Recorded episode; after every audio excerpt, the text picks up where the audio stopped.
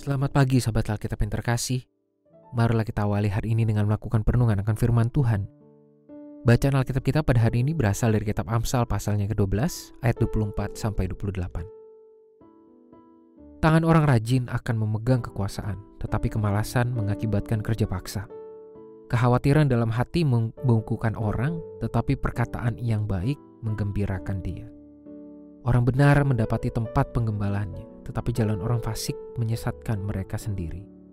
Orang malas tidak akan menangkap buruannya, tetapi orang rajin akan memperoleh harta yang berharga. Di jalan kebenaran terdapat hidup, tetapi jalan kemurtatan menuju maut. Banyak kisah inspiratif yang berasal dari pengalaman hidup orang-orang yang berjuang keras untuk mengalami kesuksesan dalam hidupnya. Tolak ukur kesuksesan dari orang-orang itu pun beragam, ada orang yang sukses dalam bidang ilmu pengetahuan atau berbagai proyek dengan dampak sosial maupun lingkungan hidup yang tinggi. Ada juga orang yang sukses dalam bidang perekonomian maupun politik praktis.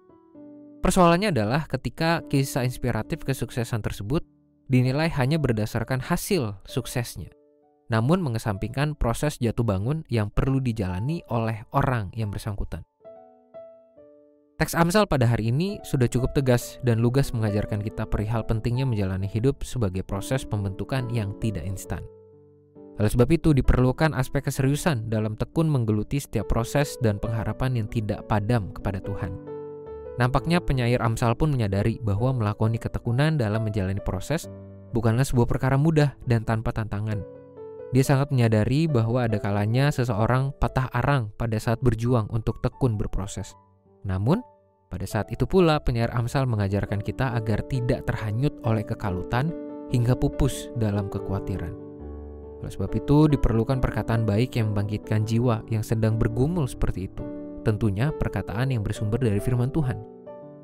Sahabat Alkitab, firman Tuhan pada hari ini telah mengajak kita agar tetap optimis, tekun, dan berpengharapan dalam menjalani kehidupan. Setiap proses kehidupan dengan segala fase jatuh bangun yang kita alami merupakan bagian dari pembentukan yang sehat untuk setiap manusia yang bergantung harap pada Tuhan. Oleh sebab itu, selamat menghadapi proses dengan tekun dan penuh harapan kepadanya. Marilah kita berdoa. Tuhan, di tengah dinamika kehidupan yang berisikan jatuh bangun proses yang harus kami jalani, tolong kami Tuhan untuk selalu bersedia dan mampu menghadapi itu semua dengan tekun sebagai umatmu dan berpengharapan hanya kepadamu. Hanya dalam nama Tuhan Yesus kami berdoa dan menyerahkan kehidupan kami. Amin.